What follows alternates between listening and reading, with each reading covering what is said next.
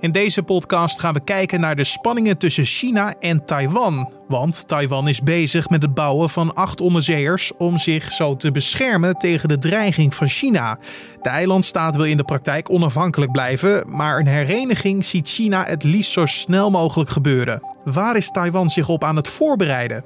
Dit wordt het nieuws. Maar wat Taiwan natuurlijk probeert te doen, is uh, de, de prijs voor een eventueel conflict zo groot mogelijk maken.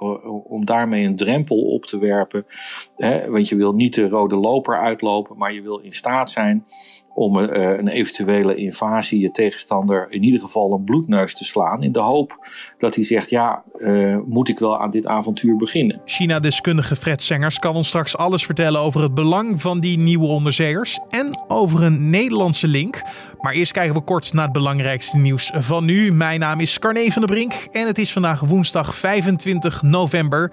En je luistert naar de Dit wordt het nieuws middagpodcast. Thierry Baudet vertrekt toch niet bij Forum voor Democratie. De FVD-oprichter, die zich eerder deze week na antisemitische en extreemrechtse incidenten bij een jongerenbeweging terugtrok, werpt zich alsnog in de strijd om het partijleiderschap. Ik schrijf lijsttrekkersverkiezingen uit. Iedereen die denkt dat het echt anders moet bij Forum voor Democratie, uh, die denkt dat er te grote fouten zouden zijn gemaakt in het verleden of de koers anders moet, die kan zich nu beschikbaar stellen, die kan zich verkiesbaar stellen, maar de leden zijn nu aan het worden. Het bestuur van FVD is verrast door deze aankondiging en stelt dat het niet aan Baudet, maar aan het partijbestuur is om een lijsttrekkersverkiezing uit te schrijven. Zij willen ook dat de partijoprichter per direct uit het bestuur stapt. De Europese Unie heeft ook een contract afgesloten met vaccinontwikkelaar Moderna. Het is hiermee de zesde vaccinontwikkelaar waar de EU een contract mee heeft afgesloten. Het bedrijf zal 80 miljoen doses aan de EU leveren zodra het vaccin is goedgekeurd. Van alle vaccins krijgt Nederland 3,89 procent. Dat betekent dat wij ruim 3 miljoen doses krijgen. Eerder deze maand meldde Moderna dat de prik voor ruim 94 procent effectief is. Het RIVM heeft de afgelopen 24 uur bijna 5000 positieve coronatests geregistreerd. Dat zijn er minder dan het dagelijkse gemiddelde van de afgelopen week. Het zijn wel bijna 1000 gevallen meer dan gisteren, toen het RIVM voor het eerst sinds 4 oktober minder dan 4000 positieve tests registreerde. In de afgelopen weken was het aantal bevestigde besmettingen op dinsdagen wel wat kleiner dan op de dagen erna. Dat kan komen doordat minder mensen zich laten testen in het weekend en er vaak een vertraging in de registratie zit. 1 op de drie Nederlanders is tijdens de coronapandemie minder gaan sporten. Zo blijkt vandaag uit een onderzoek van sportkoepel NOC-NSF. Voor bijna twee derde van de Nederlanders die minder zijn gaan sporten, is het sluiten van sportclubs de belangrijkste reden. Uit het onderzoek blijkt verder dat bijna 1 op de 10 Nederlanders helemaal is gestopt met sporten.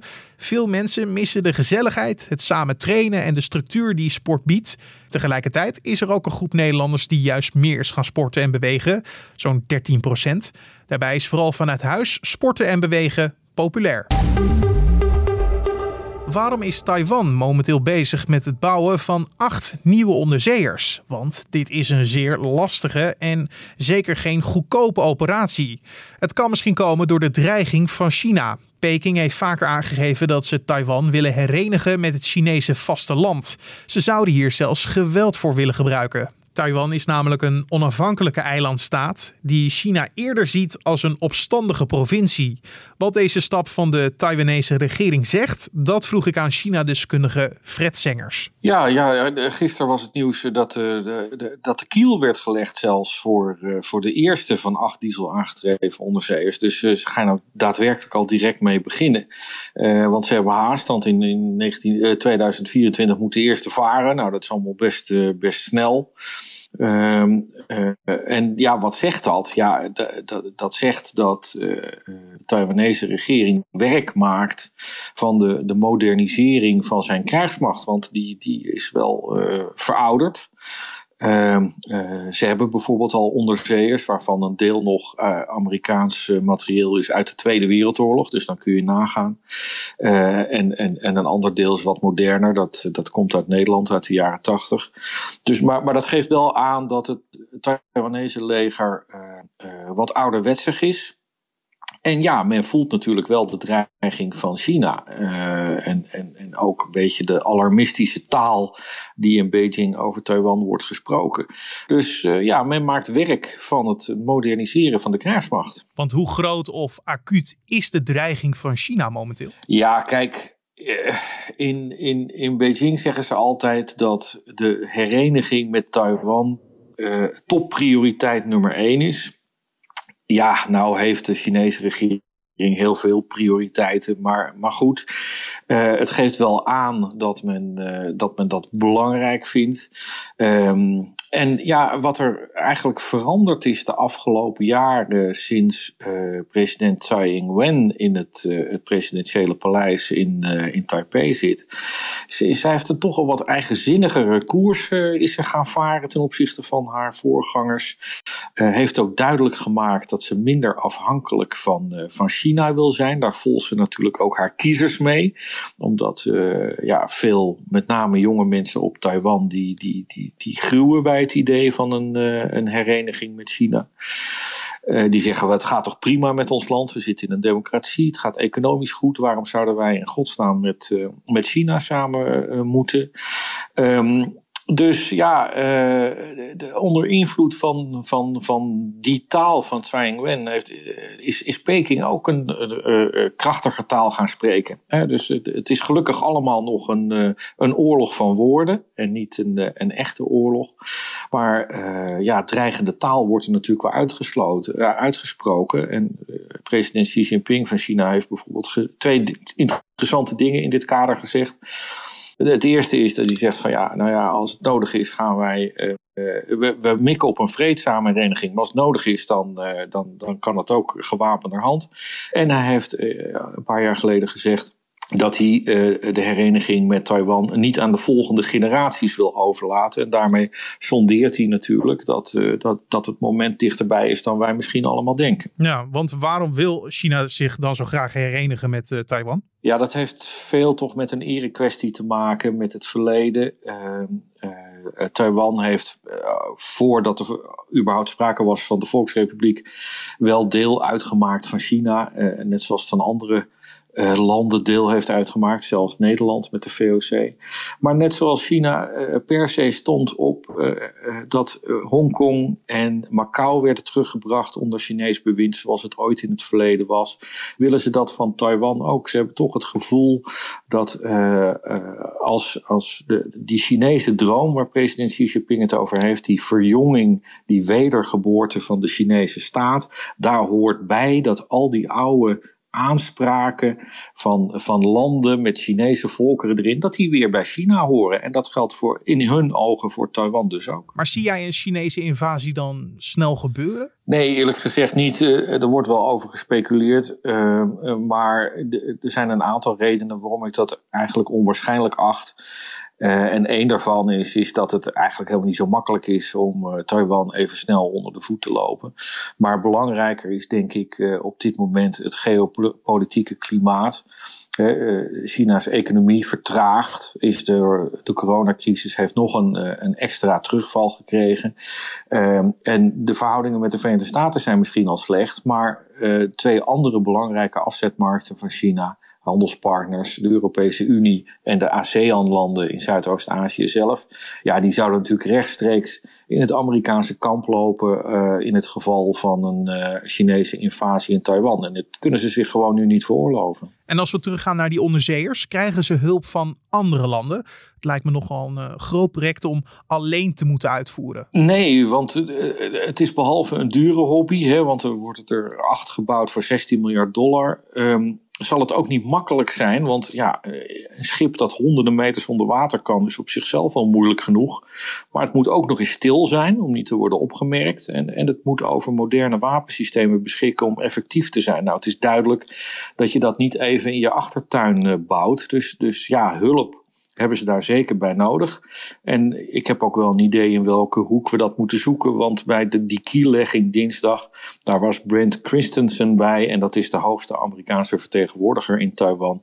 Dat zal wel geen toeval geweest zijn. Ik denk dat daar heel veel technische hulp vandaan. Ja, maar waarom mengt Amerika zich dan in dit conflict? Ja, dat, dat gaat ook een tijd terug. Omdat uh, Amerikanen al eerder, zeg maar, uh, de, de, de Taiwanese hulp hebben aangeboden, militaire hulp. Uh, het is een beetje onduidelijk hoe ver die militaire hulp gaat. Hè. Dus we, zien dat er allerlei wapensystemen geleverd worden. Onder president Trump zijn ook weer uh, allerlei wapenleveranties geweest. Um, maar of de Amerikanen ook echt te hulp schieten in het geval van een Chinese invasie, dat weten we natuurlijk niet. En dat laten ze ook een beetje in het midden, expres, een beetje onduidelijk laten ze dat. Maar ja, we hebben wel gezien dat uh, uh, aan de ene kant erkent uh, de Verenigde Staten erkennen China. Aan de andere kant houden ze de, de lijnen met, met Taiwan open, steunen dat land. En de afgelopen vier jaar onder president Trump, die heeft natuurlijk een, radicale anti-Chinese confrontatiepolitiek gevoerd. En ja, als er één manier is om de Chinese leiders in Beijing op de kast te krijgen, dan is het de kwestie Taiwan. Want ik zei het al, dat, was, dat is beleidsprioriteit nummer één. Dus op het moment dat je als Verenigde Staten zegt van wij sturen hoge vertegenwoordigers daar naartoe. Wij gaan wapens leveren.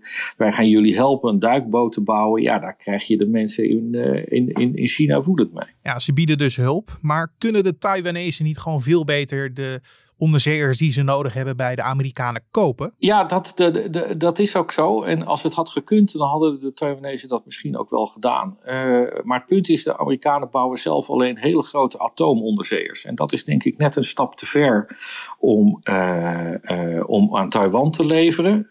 want dat, is, dat, dat zou echt een enorme stap zijn als je ook die, die, die kerntechnologie dan meelevert.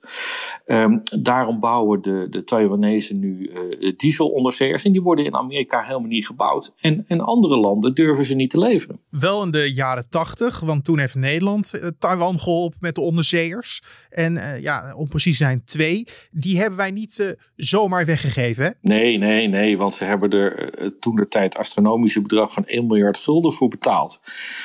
Dus, uh, en, maar dat, dat is ook een enorme rel geworden, want we spreken niet voor niks over de duikbootcrisis van 1980. Hè. De, de, de Taiwanese hebben toen twee in Nederland gebouwde duikboten van de zwaardvisklasse uh, gekocht. Ze varen trouwens nog steeds. De Haihu, de zeetijger en de Hailung, de zeedraak.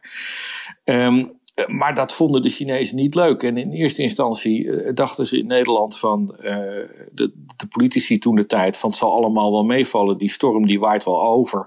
En we hebben meer aan Taiwan dan aan China. Maar toen er sancties kwamen, economische sancties, ja, toen begon hier begon de politiek toch wel anders te piepen. Want jij hebt hierover ook met voormalig minister-president Dries van Acht gesproken. Hoe keek hij terug op deze botsing? Ja, nou ja, dat was een heel leuk gesprek. Want mijn interesse ging, ging uh, eigenlijk vooral uit naar het feit dat hij een van de weinige regeringsleiders is die Deng Xiaoping heeft ontmoet.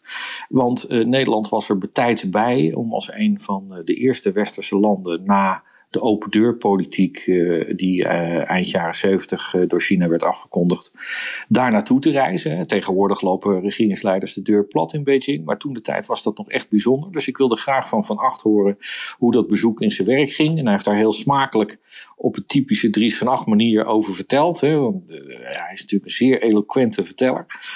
Um, maar hij voegde er natuurlijk direct aan toe, toen hij terug was in Nederland, dat, uh, dat het eigenlijk direct misging. Een maand later was aan de orde, het was al, uh, had, had zich al aangediend op de agenda van de ministerraad, het bouwen van duikboten voor Taiwan.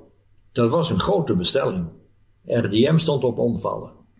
U had wel door dat dit een probleem zou worden? Ja, zeker. Zeker. Maar de Chinezen waren uh, rabiaat woedend natuurlijk. En terecht van hun kant. Ja, dus uw voorsprong veranderde in een achterstand. ja. Ja, dat was de oud-minister-president Dries van Acht over de politieke rel in de jaren 80 tussen Nederland en China. Uh, nu terug naar 2020, de acht onderzeeërs die eraan komen. Moeten we het samenvatten dan als uh, de dreiging van China is niks nieuws voor Taiwan, maar ze gaan het ze wel moeilijker maken? Ja, kijk, uh, in, in militaire termen zijn het twee zeer ongelijke krachten. Het Chinese leger is niet alleen in omvang veel groter, maar ook in ja, gewoon technologisch, niveau. Uh, dus qua slagkracht, zeg maar. Maar wat Taiwan natuurlijk probeert te doen, is uh, de, de prijs voor een eventueel conflict zo groot mogelijk maken. Om daarmee een drempel op te werpen.